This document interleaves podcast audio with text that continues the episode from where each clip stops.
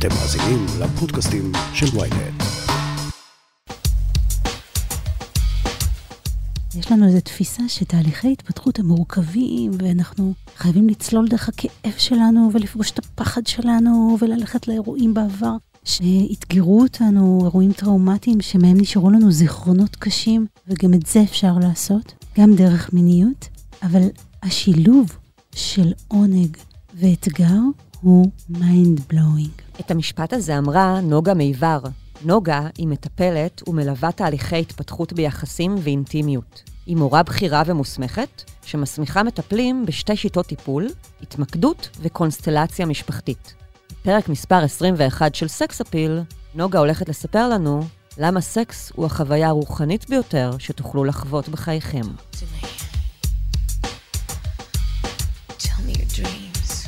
היי, אתם ואתן על סקס אפיל, פודקאסט המיניות של ynet יחסים. אני לא רשתת מאור, והאורחת שלי היא נוגה מיבר. נוגה, תודה רבה שבאת. תודה לך. איזה כיף. ממש. מה שלומך היום? נפלא. אה, א', יש לך קול ממש יפה. אה, דבר שני, בואי תספרי קצת אה, למאזינות ולמאזינים קצת על מי את ועל פועלך המקצועי. אז אני מורה לשתי שיטות טיפול, להתמקדות, ששייכת לעולם של פסיכותרפיה גופנית, ולקונסטלציה משפחתית. אני חלק מצוות מורי בית הספר הישראלי לקונסטלציה מערכתית, שייסד ישי גסטר, דרך הקונסטלציה. ואני מובילה את תוכנית ההכשרה למיניות בגישה סומטית יחד עם מעוז יעקב, השותף היקר שלי שהוא סקסולוג. ואני בעצם אה, גם מטפלת הרבה שנים, מעל 20 שנה, וגם אה, מורה ומנחה סדנאות שמתמחה במיניות ומודעות. אה, יפה. ת, תספרי קצת מה זה אה, מודעות ומה זה קונסטלציה, בעצם שני התחומים שאת עוסקת בהם בשנים האחרונות. כן. התמקדות uh, עוסקת בהפניית תשומת הלב אל תחושות הגוף ויצירת דיאלוג איתן, מתוך הבנה שבעצם יש לנו את היכולת לעשות איזושהי התבוננות מתוך הראש שלנו במה שקורה לנו, אבל הגוף שלנו לפעמים יודע לספר סיפור אחר. ובניגוד לראש שיודע לעשות מניפולציות של הדחקה והכחשה, אה, הגוף שלנו לא יודע לשקר, אין לו את האיכות הזאת. מה זה אומר? זה אומר שתחושות הגוף שלנו יכולות להיות לינק לתת-מודע שלנו. ולפעמים הגוף שלי יספר לי שיש לי איזה מעצור, ויש סיפור שם שראש לא יזדהה איתו.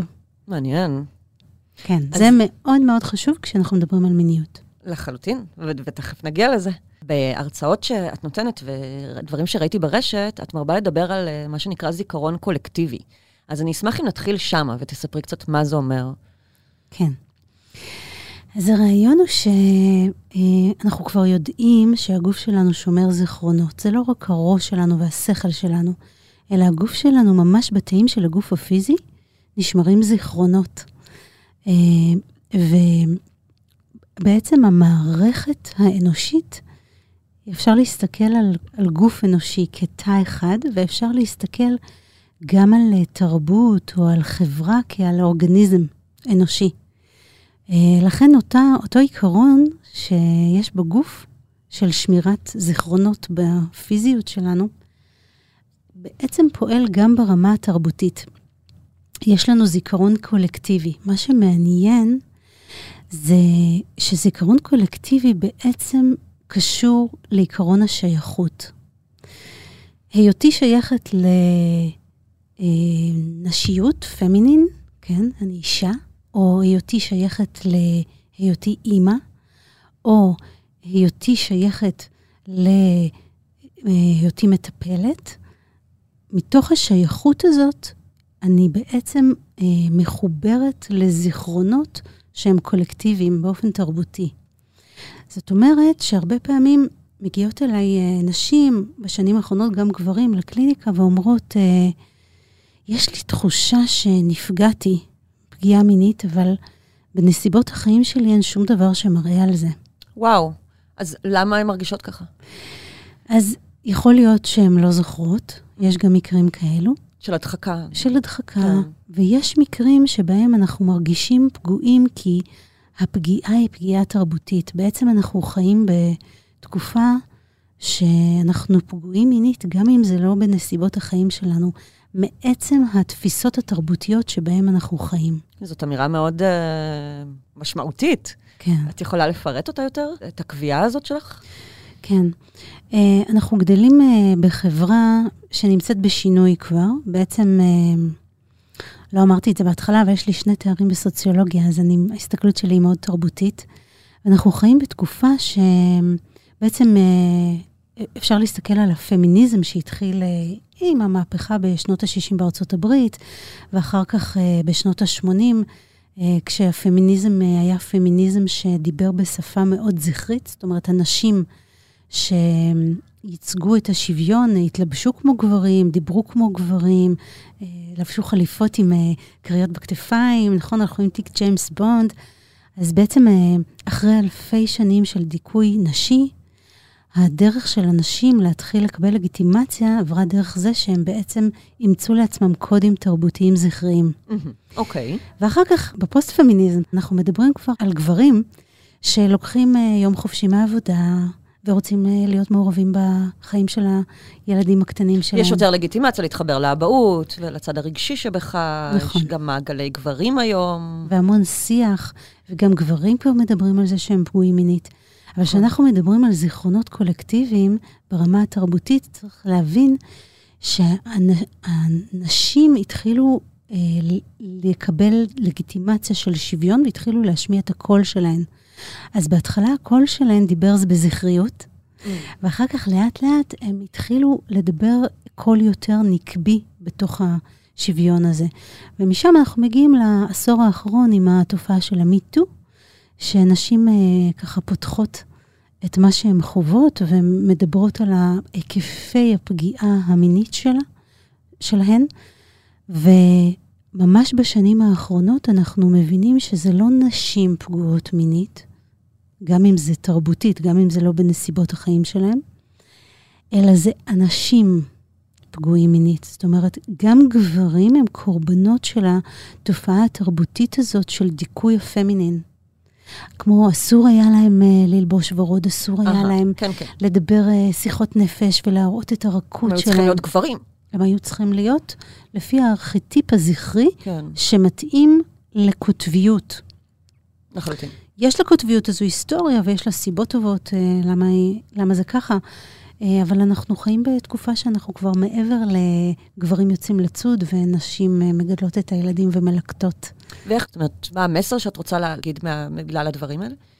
אז אה, אני חושבת שאנחנו חיים בתקופה שבה אנחנו מגיבים באופן טראומטי. היות והגוף שלנו, הפיזי, מגיב באופן אינסטינקטיבי, והמטרה של הגוף הפיזי שלנו היא לשרוד, אז כשקורה משהו שמפחיד אותנו או מבהיל אותנו, יש לנו שלוש תגובות עיקריות. זה ה-fight, flight, freeze. כן.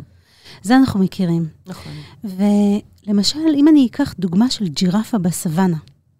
ג'ירפה בסוואנה רואה אש, שריפה. מה היא חושבת לעצמה? שיש סכנה, צריכה לברוח. נכון. איך זה עובד הדבר הזה? הרי היא לא ראתה אש קודם בחיים שלה. היא לא למדה בבית ספר לג'ירפות, שאש זה דבר מסוכן, נכון? אז מה קורה אצלה בגוף בעצם? יש לה תגובות, נכון? יש אה, אולי הדופק שלה עולה, אולי יש פחות חמצן באוויר שהיא נושמת, אולי היא מרגישה את השינוי בהבדל בטמפרטורה, והמסרים האלו באופן אינסטינקטיבי בתוך הגוף שלה מורים לה לברוח. מממ. אנחנו יצורים תבוניים שהאינטליגנציה שלנו יותר מפותחת רק מהאינסטינקט הגופני הזה, עם זאת, התפתחה אצלנו מערכת חברתית שעובדת באופן דומה מאוד. סטיבן פורג'ס, שמדבר על התיאוריה הפוליווגאלית, שזו התיאוריה אולי הכי מתקדמת היום בעולם הפסיכותרפיה הגופנית, מדבר על זה שההישרדות שלנו היא לא רק פיזית, היא גם הישרדות חברתית. ולכן, כשאנחנו מרגישים בתוכנו אה, מצב של סכנה, הרבה פעמים אנחנו לא נברח. גם אם אני עכשיו, נגיד, נורא מתרגשת לדבר במיקרופון או מהמחשבה על כמה אנשים שומעים אותי, זה יכול להיות שאני יכולה רגע להתכווץ, אבל אני אגיד לעצמי, אוקיי, אני עכשיו רוצה לתפקד, כי אני רוצה להקליט את הפודקאסט הזה, נכון? כן. אז אנחנו לא מקשיבים למערכת הסומטית של הגוף שלנו, אבל למדנו באופן חברתי לעשות את זה. ואז מה שקורה לנו, שאנחנו נכנסים למיניות, הרבה פעמים חלקים בתוכנו מתריעים על סכנה, חלקים בתוכנו לא משתתפים בתהליך, אולי הם בקיפאון אפילו, אבל מה שאנחנו עושים זה סוגרים את זה ורוצים לתפקד. זה מה שהתרגלנו לעשות בתהליך החברות שלנו, בתהליך הסוציאליזציה שלנו, כדי לשרוד באופן חברתי. את טוענת שהרבה אנשים נכנסים לאינטראקציה מינית בלי להקשיב לחלקים הפנימיים שבהם, שמאותתים להם שמשהו שם לא תקין. נכון. בעולם של פסיכותרפיה גופנית וגם בהכשרה הטיפולית שאני, שאני מלמדת למיניות אה, בגישה סומטית, אנחנו מקשיבים לתחושות הגוף. ויש את הדבר המדהים הזה שקורה הרבה בתוך מיניות, שאנחנו נכנסים למיניות, ואנחנו לא באמת כל החלקים שלנו שם. מממ. ואז יש את הציטוט הזה של פרופסור יוג'ין ג'נדלין, זה שהגה את ההתמקדות, השיטה שאני עובדת איתה, שאומר, וזה ציטוט מדהים, הוא אומר, אתה לא יכול ללכת מהר יותר מהצעד הכי איטי שלך. מעניין. או מהחלק הכי איטי שלך. Hmm.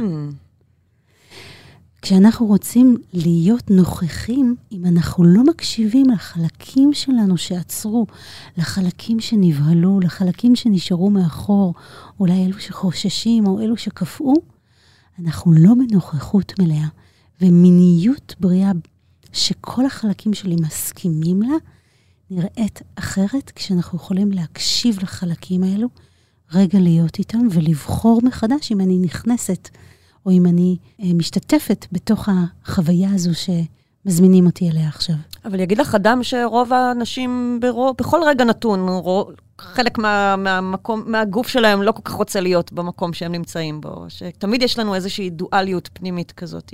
נכון, ו- ומה שמעניין זה שגם גברים, וגם גברים מתחילים לדבר על זה עכשיו. אבל הרעיון הוא שאם אני באמת בתשומת לב למה שקורה בתוכי, אז א', אני יכולה להקשיב לחלק הזה שבסך הכל רוצה להזהיר אותי מסכנה. לא תמיד יש שם סכנה, אבל החלק הזה רוצה להזהיר אותי. אם אני לא ערה לו, אני לא יכולה לנהל איתו דיאלוג ולהקשיב לו, אז אני נכנסת בחוסר הסכמה לתוך הסיטואציה. Mm. אם אני כן ערה לו וכן מקשיבה לו, אני יכולה לבדוק את מה שהוא מציע לי. בעצם הגוף מציע רעיון של האם מסוכן כאן עכשיו? כן. סימן שאלה. אבל אנחנו לא מקשיבים. אז זה כל הזמן נשאר שם מנותק. אם אני מקשיבה, שוקלת את הסיטואציה, אני יכולה לבחור להיכנס אליה או לא להיכנס אליה.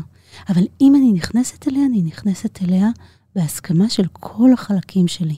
וזה אומר שהאדם בעצם מחובר הרבה יותר למיניות שבו, אם הוא, אם הוא מקשיב לעצמו. נכון. וזה מביא אותי להגיד עוד משהו על התרבות שבה אנחנו חיים, כי אנחנו בתר... חיים בתרבות שבה לימדו אותנו להתנתק מהמיניות שלנו. מיניות נחשבת דבר מסוכן, או סוטה, או חולה, או משהו שכדאי להתבייש בו, להסתיר אותו. אנחנו בעיקר בגיל צעיר מתביישים. עדיין הרבה אנשים עושים סקס בחושך. כן. לא כולם, כן. אבל עדיין הרבה. ותרבותית לימדו אותנו להתבייש, וגם להרגיש אשמים על היצר שיש לנו באופן טבעי בגוף שלנו. בייחוד בחברות שמרניות כמו ישראל, חברות דתיות, זה משהו שהוא בילט אין בתרבות בעצם. נכון. זה אלפי שנים בילט אין בתרבות שלנו. האמת שיש uh, הנחה שאומרת שהשלטונות והדתות ידעו שיש המון כוח בזה שאדם מחובר למיניות שלו. כי אדם שמחובר למיניות שלו, בעצם מחובר לכוח החיים שיש לו בגוף. ליצר, ליצירה. ויש לנו גנרטור בין הרגליים, והגנרטור הזה יכול לייצר המון אנרגיית חיים, ואדם שמחובר למיניות שלו הוא אדם uh, שמח, מסופק, ויותר קשה לשלוט בו. הוא שמח וחיוני ומסופק, אבל מה הקשר לשליטה? יש משהו יותר עצמאי, אם אני מבינה איך להשתמש בכוח הזה שיש לי בגוף. הכוח הזה שיש לי בגוף, קודם כל הוא כוח בריאת חיים. אנחנו יודעים שאיברי המין שלנו משמשים קודם כל ביולוגית להפריה. כן. זה ברור לנו, נכון? כן. זה התפקיד הרשמי שלהם. זה התפקיד הרשמי שלהם, פיזית. אבל ברמה היותר רוחנית, האיברים האלו, האזורים האלו בגוף, משמשים אותנו גם לבריאת חיים ומציאות. תסבירי. אני יכולה להשתמש באיברים האלו בעצם, אם אני מבינה את הכוח שיש בהם, הם בעצם מחוללים אנרגיה כל הזמן. זה לא רק האיברים האלו, זה גם החלק, יש בתוכנו, בתוך כל אחד מאיתנו, בין אם הוא נולד אישה או גבר, חלק זכרי וחלק נקבי. ואם אני יודעת לעבוד עם החלק הזכרי והנקבי, ואם אני יודעת אה, להתניע את אברי המין שלי, אז אני יכולה גם לברוא מציאות. לא רק לברוא חיים פיזיים בגוף של תינוק או תינוקת, אלא לברוא מציאות. ובעצם החלק של המסתורין של האיברים האלו, יש בו המון כוח. אבל לא, לא הבנתי איך, איך את בוראת מציאות. כשאנחנו ערים ליכולת שלנו הזאת, אז אפשר להסתכל על כל אינטראקציה שיש לי בחיים, בין אם זה אני ואת יושבות פה עכשיו ומדברות, בין אם אני משוחחת עם הבן שלי, או שאני יושבת מול נוף, או שאני כותבת טקסט, או שאני נמצאת במפגש אהבה עם בן הזוג שלי. כל אחד מהם, אני יכולה לראות אותו בעצם כמעשה אהבה. Hmm. בעצם כל אינטראקציה שלנו בעולם יכולה להיות אינטראקציה של מעשה אהבה. כשהרעיון הוא שאני יכולה להיות בזכרי שלי ואז אני מעניקה ונותנת, או אני יכולה להיות בצד הנקבי שלי ואז אני מקבלת ומוזנת. אה, בעצם מפרה או מופרית. בדיוק. Hmm. כשאני באינטראקציה שאני מפרה ומופרית עם העולם, אז אני עושה אהבה עם העולם, אני עושה אהבה עם החיים. אני עושה אהבה עם הפרויקט שאני רוצה לקדם עכשיו. והדינמיקה הזאת היא דינמיקה מאוד מאוד עשירה, שיכולה עם המון אנרגיית חיים לברוא מציאות, או מציאו, מציאויות. איך מגיעים לשם? איך mm. הם מתחברים לחלקים הפנימיים שבנו? איך אנחנו גורמים לעצמנו לעשות אהבה עם העולם? Mm. אז קודם כל זה עניין של תפיסה. אנחנו מתחילים מתפיסה מנטלית, כדאי uh, לקרוא על זה, uh, ואפשר להעמיק בזה, יש גם סדנאות שמלמדות את זה. אבל הרעיון הוא שאנחנו כל הזמן בעצם נמצאים בסוג של uh, במה של תיאטרון. זה הדימוי. שייקספיר ש... אמר שכל העולם במה. נכון. אני אשתמש רגע בדימוי הזה כדי להסביר את מה שאני אומרת. בעצם, אנחנו כל הזמן מתמודדים עם אתגרים. נגיד שיש לי איזשהו אה, פרויקט שאני רוצה לקדם, ו...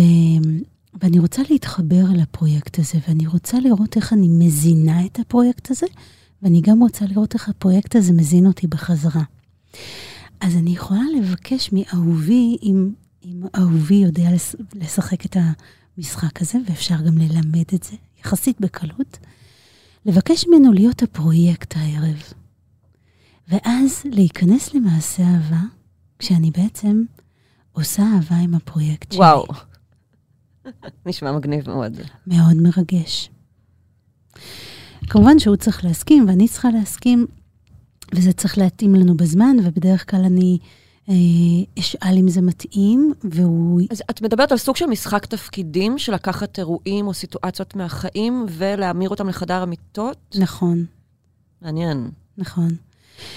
מכיוון שכשהגוף שלי נמצא בתנועה וברטט, יכולים לעבור דרכו המון דברים שבעזרת השכל שלי או ה mind שלי או התודעה, אה, אני לא, הם לא יהיו נגישים לי. המון רעיונות יכולים להופיע דרך הגוף שלי כשאני עושה את זה. איך לממש דברים. את יכולה לתת דוגמה ספציפית, נגיד? כן. לפני אה, שנה וחצי, כשעוד היו לנו חיים בחוץ, הפקתי כנס. ו, אה, ובעצם התעסקתי בזה שאני צריכה להנחות את הטקס המרכזי של הכנס הזה, ולא היה לי רעיון מספיק מדויק. חשבתי על זה וחשבתי על זה, וישבתי ופיניתי לי זמן יצירה. איכשהו הרעיון המושלם לא הגיע. בסופו של דבר, אמ, החלטתי להיכנס לסוג של מדיטציה, אבל מדיטציה היא בעזרת עינוג עצמי. מה זאת אומרת? מאוננים ואז, ונושמים? זה, זה, זה לא חייב להיות שמאוננים, אני יכולה להיכנס לזמן שקט כזה. כמו שאנחנו מכנים את עצמנו למדיטציה, אז אני אשים נרות בחדר ומוזיקה אולי רכה, או שאני צריכה שקט, ואני את, יכולה ללטף את עצמי ולגעת בעצמי, ולהעלות את האנרגיה המינית בגוף, ואז mm. הגוף נורא חי ורוטט.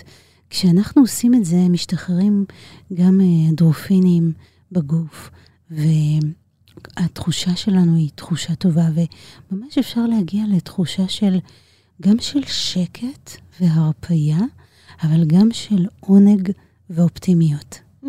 אנחנו פשוט מרגישים מאוד מאוד טוב. ובמצב הזה שאנחנו מרגישים טוב, אני יכולה בתוך זה לדמיין את עצמי אה, בעזרת איזה דימוי שעולה לי, שבעצם אני כמו עושה אהבה עם הרעיון, אני עושה אהבה עם הקהל שנמצא בטקס, ובתוך זה הופיע הרעיון של מה אני צריכה לעשות שם, או מה אני יכולה לעשות שם. שאלת את עצמך בעצם שאלה לפני שנכנסת בעצם למוד הזה? נכון. זה כמו שאנחנו עובדים עם כל בריאת מציאות או זימון מציאות, בשילוב עם מדיטציה.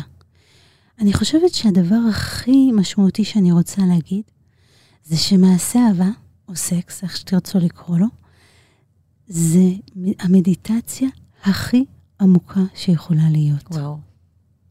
ובניגוד למדיטציות שקשה לנו לעשות וצריך להתרכז, אנחנו עובדים נורא נורא קשה, זה כיף. כן, אם זה מתגמל מיד, כן. כן.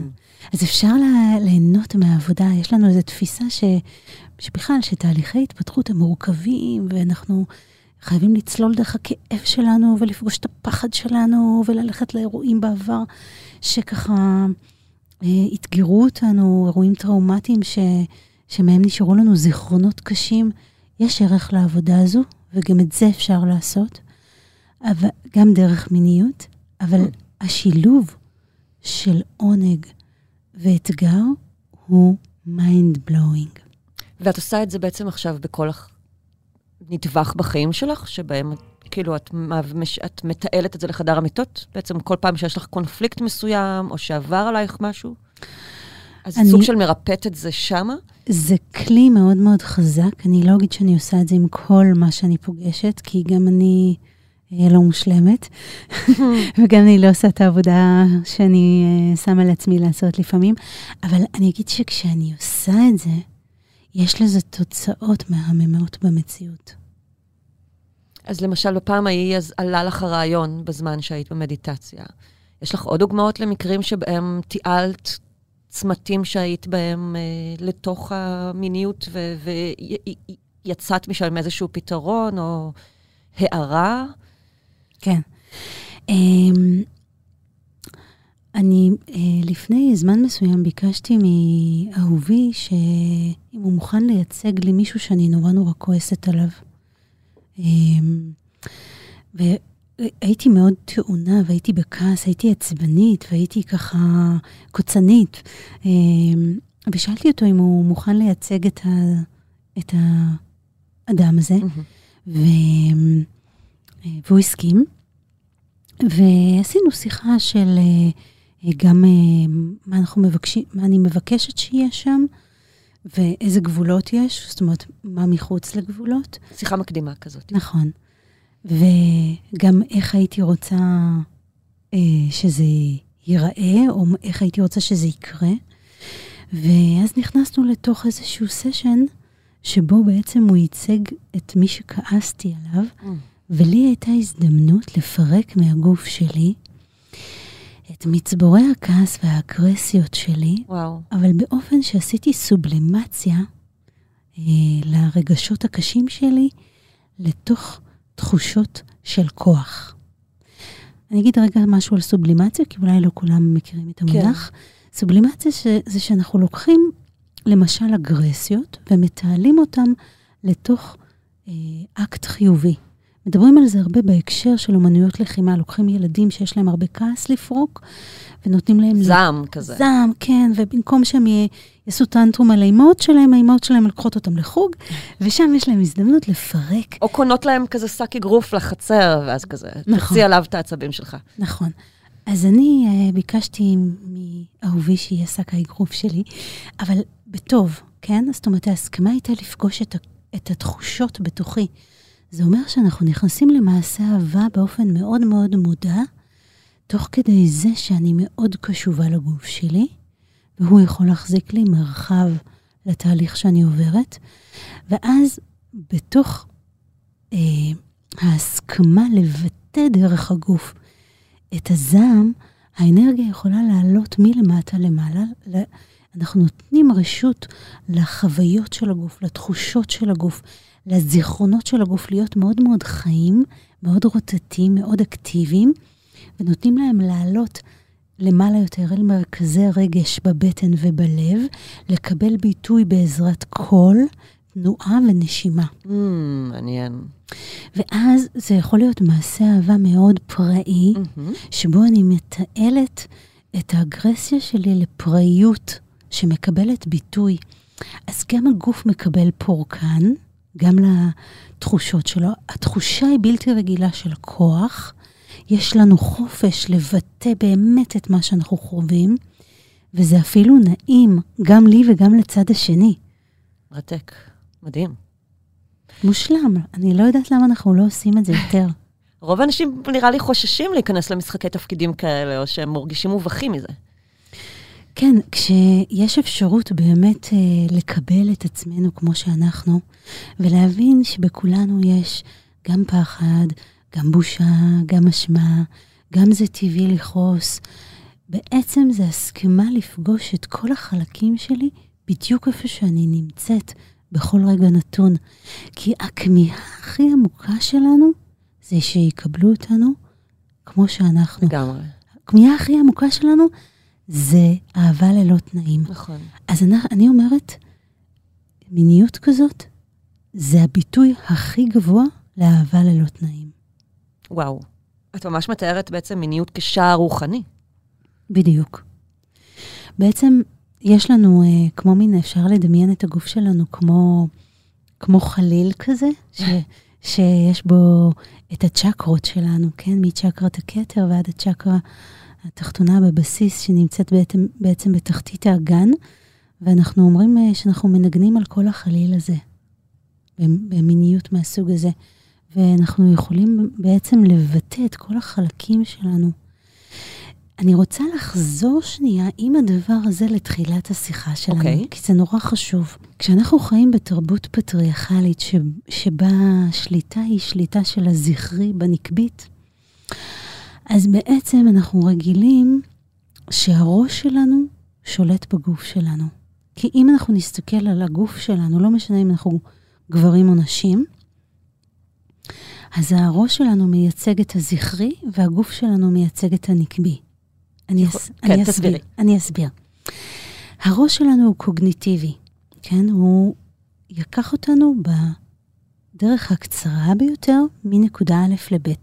הוא מטרתי, הוא חד, הוא זוכר מספר מצומצם של דברים, הוא לוגי. משימתי. משימתי, Mm. הוא נורא טוב בשליטה, אנחנו חייבים אותו כדי לשרוד.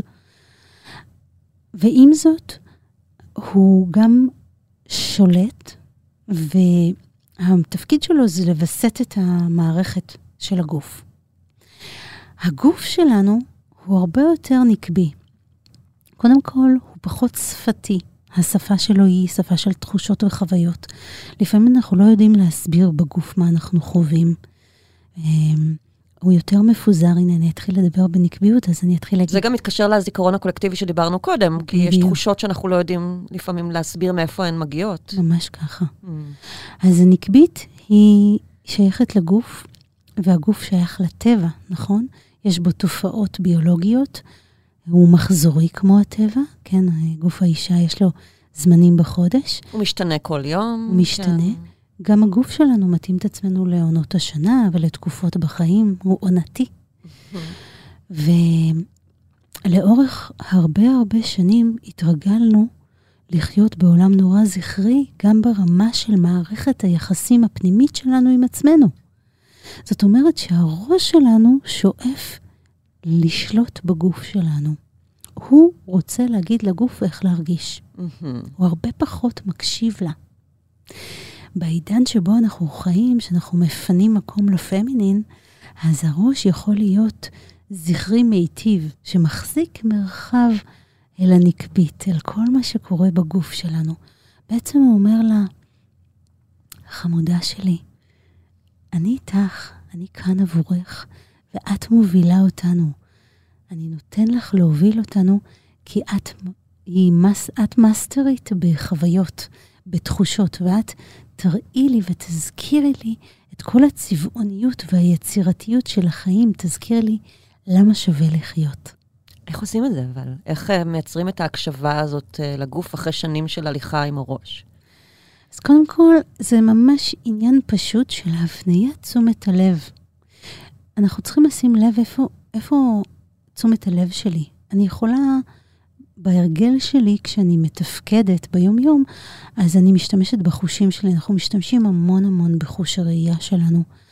העיניים שלנו קולטות המון המון אינפורמציה, גם השמיעה שלנו, ואנחנו עסוקים במה שקורה בחוץ. לעומת זאת, בחושך בחושך, כשאנחנו במיטה, אפשר לעצום את העיניים ולהפנות את הקשב שלי על תחושות הגוף. Mm. אני ממליצה להתחיל כל מפגש זוגי בלעצום עיניים, להפנות את תשומת הלב לגוף, ורגע לקחת שנייה, לבדוק מה שלומי עכשיו, מה חי בגוף שלי ברגע הזה. לא מה, לא איזה מחשבות יש לי, מה אני מצפה שיהיה פה, מה אני רוצה שיהיה פה, איך אני נראית, איך הגוף שלי. לא זה. לא זה. זה קשור למחשבות של שליטה, זה בדיוק הזכרי, mm. המטרתי. הפמינין, היא נמצאת ברגע. היא חווה את עצמה. ברגע הזה נעים לי, לא נעים לי, קר לי, חם לי, מדגדג לי. יש משהו שאני צריכה ואני לא אומרת. הרבה פעמים אני מגלה כשאני מתבוננת בתחושות הגוף שיש דברים שמציקים לי ומפריעים לי. כולנו מכירות את השיחות האלו. שיט, שכחתי את הכביסה במכונה, ויש לי את הרשימה של המשימות, ואני צריכה לקום בבוקר בשעה כזאת כן, וכזאת. כן, מחר יש לי ישיבה ממש חשובה. מחר ו... יש לי ישיבה, ועכשיו אנחנו ניכנס לסקס, ואני לא הולך לישון מוקדם, ואני אהיה עייפה מחר. כל זה מחשבות של הראש. והנקבית שלי יכול להיות שפשוט נורא נעים לה עכשיו, והיא מוכנה להיות ברגע.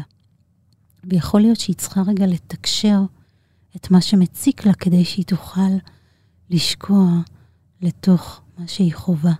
ממש כשאני מדברת על זה, קצב הדיבור שלי מאט. Mm. אנחנו, כדי לחוש את הגוף, צריכים להאט. הקצב שלו זה לא הקצב שלה. Mm-hmm.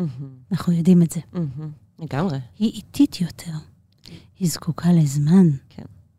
לא סתם לנשים לוקח יותר זמן להגיע לאורגזמה, זה מתקשר נכון. לזה גם. וגם הן זקוקות ליותר זמן כדי להגיע ל... כדי להתחמם. כדי להתחמם. Mm. אז הוא צריך את הסבלנות, לפתח נוכחות אוהבת, שאומרת לה, לה, יקירה, את קובעת את הקצב, אני איתך. את מדברת על בן הזוג או על הראש עכשיו? סתם. על שניהם, זה כן. בדיוק העניין. Mm. אנחנו מתרגלים את זה בתוכנו, ואז אנחנו יכולים לתרגל את זה עם אחרים. אם אין לנו את זה בתוכנו, יהיה לנו מאוד מאוד קשה עם אחרים. אז מה את מציעה? אז אני מציעה בעיקר ארבעה דברים. הראשון זה האטה. אנחנו צריכים להאט כדי שנוכל לפגוש את, קודם כל את עצמנו, ואם נוכל לפגוש את עצמנו ולהיות כולנו, ככה, כל החלקים שלי במקום, אז אני אוכל גם לפגוש את האחר. הדבר השני שאני מציעה זה להרפות. כמה שיותר להרפות. זה מצחיק המילה הזו, להרפות. Mm-hmm. אני אגיד את זה עוד פעם, להרפות. כוללת בתוכה את המילה פות. כן, וזה, וזה נפלא, כי להרפות זה מאוד פמינין, זה מאוד נקבי. כשאנחנו מרפים, יותר קל לנו לחוש את הדקויות של תחושות הגוף. אנחנו בעצם נכנסים למדיטציה שכוללת הרבה הרבה תשומת לב לתחושות הגוף. לכן ככל שנרפה וניתן למגע שלנו את עצמנו, או שלנו את האחר, או של האחר אותנו, להיות נוכח, אנחנו נהיה הרבה יותר מחוברים. גם לעצמנו, ומשם גם למי שנמצא איתנו. אז גם האטה וגם הרפאיה. הרפאיה. והדבר הנוסף שאני רוצה להגיד, והוא אולי נשמע פשטני, אבל הוא ממש לא מובן מאליו, זה כנות. Mm. כנות ותקשורת. אני לא יכולה להיכנס למעשה אהבה או למפגש אינטימי שבו אני אהיה כל כולי נוכחת, אם לא תקשרתי את מה שיושב לי על הלב. אם אנחנו התווכחנו קודם במטבח ונכנסנו למיטה, ואני עדיין חיה את השיחה הזאת, עדיף שאני אביא אותה אל תוך מעשה אהבה, Mm. מאשר שאני אנסה לשים אותה בצד. שזאת הסובלימציה שאת מדברת עליה. נכון. אבל זה לא רק הסובלימציה, זה ההבנה שבשביל שאני אוכל לעשות אהבה ככה, אני צריכה את כל החלקים שלי איתי.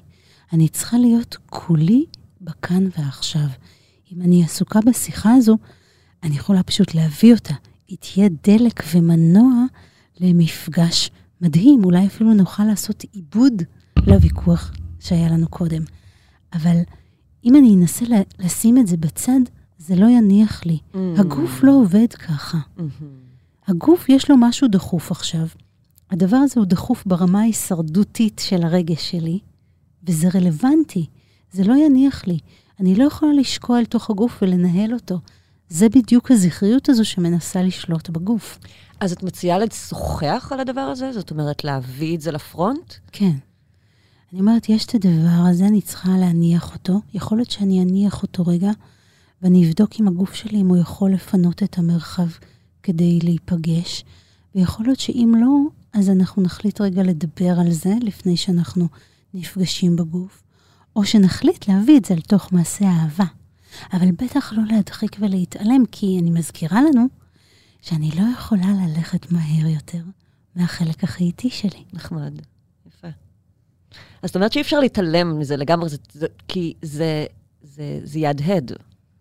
כן. זה יהדהד וזה יאפיל על מעשה האהבה בעצם. נכון, כי צריך להבין שהעניין הזה של הישרדות הוא יותר חזק אפילו מה mind שלנו. יש לנו איזו אשליה כזאת, זכרית, שאנחנו יכולים לשלוט על התחושות שלנו, והאמת שזה לא נכון.